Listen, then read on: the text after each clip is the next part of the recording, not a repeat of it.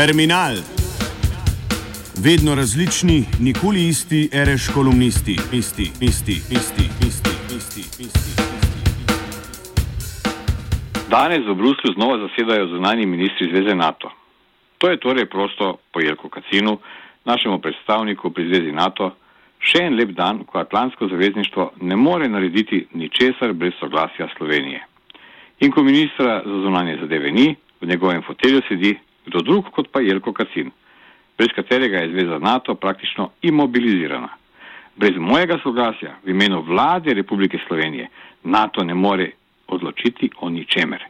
Tako je namreč strdil Jelko Kacin, stani predstavnik naše lepe, miru in stabilnosti sveta, posvečene dežele na sedežu Atlantskega zavezništva v Bruslju v sobotnem pogovoru na dnevniku TV Slovenija ob konkretnem primeru spostavitve prve stalne baze protiraketnega ščita v Romuniji. Prav to izjavo je v svojem odprtem pismu citiral tudi Aurelio Juri. V nadaljevanju se je Aurelio Juri na to vprašal še nekaj bolj usodnega. Namreč, kdaj sploh je Slovenija, tako kot je bilo mogoče razumeti Kacina, sploh dala svoje soglasje k postavitvi tega ščita? Takole piše Aurelio Juri. Dragi Jelko, reciva, da ti glede tega, ali smo že ali še nismo v hladni vojni, pogojno verjamem. To, da se nič v Atlantskem zavezništvu ne zgodi in ne more zgoditi brez tvojega soglasja oziroma soglasja slovenske oblasti, te sprašujem in sprašujem tudi dr. Cerarja, ali in kdaj je Slovenija odobrila aktiviranje protiraketnega ščita v Romuniji in enake priprave na Polskem. Ne pomnim, da bi kako tako razpravo zasledil ne v tem, ne v prejšnjih mandatih. Ko se je o tem projektu začelo govoriti, sem bil še sam v državnem zboru, član odborov tako za obrambo kot za zunanjo politiko. In na mojo izredno vprašanje o tem mi je bilo odgovorjeno, da je šlo za čisto bilateralen aranžma med ZDA in posamičnimi evropskimi državami, v katerem NATO ni imel besede.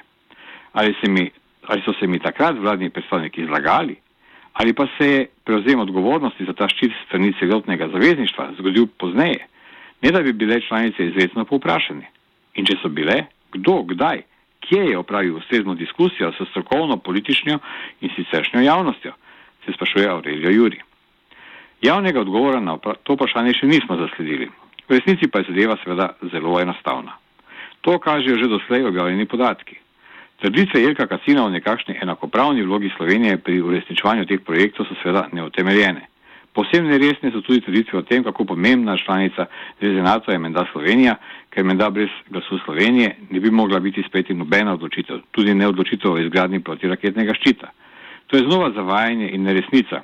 Kaj je tudi znano, je, kaj znano je, da so elemente protiraketnega ščita spostavile ZDA posebno samostojno v skladu z dvostranskimi sporazumi z določenimi državami, Polsko, Romunijo, Češko.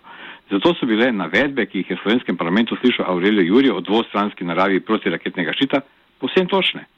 Šele veliko zatem so članice Zveze NATO na vrhu v Bukarešti avgusta leta 2008 prišle do spoznanja, da bi nameščanje ameriških kapacitet protiraketnega ščita v Evropi lahko pomagalo zaščititi številne zaveznike.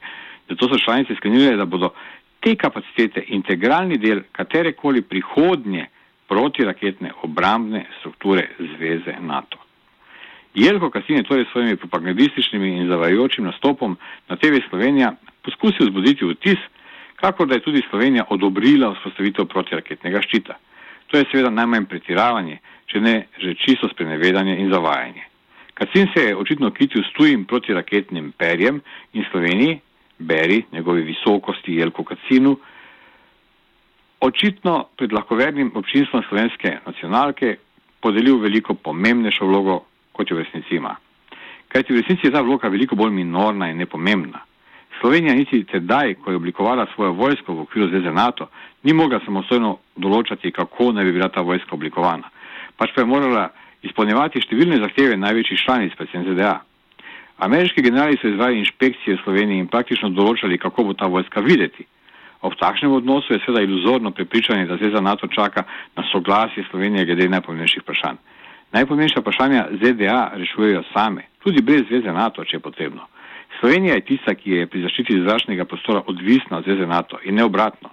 Slovenija raznorabljenih nemških protiletalskih raket Roland z že izteklim rokom trajanja nima nobene resne protizračne zaščite in prav tako nima zmogljivih reaktivnih letal, zaradi česar je po slovenskem nebu patrulirajo italijanski in mađarski lovci, medtem ko so konzervirani tanki T-55, ki jih je v Izraelu za velik denar moderniziral isti Jelko Kacin, danes varno spravljeni v skladiščih, ker jih NATO, ki od Slovenije potrebuje le zelo mobilne sile, sploh ne potrebuje.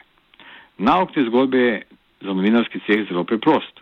Od ministra, ki v času svojega mandata ni videl niti toliko naprej, da ne bi zmetal na milijone dolarjev za modernizacijo opreme, ki je bila že čez nekaj let neuporabna, ne pričakujte niti resnicoljubnih odgovorov o pravem namenu jedrskega proti, protiraketnega ščita.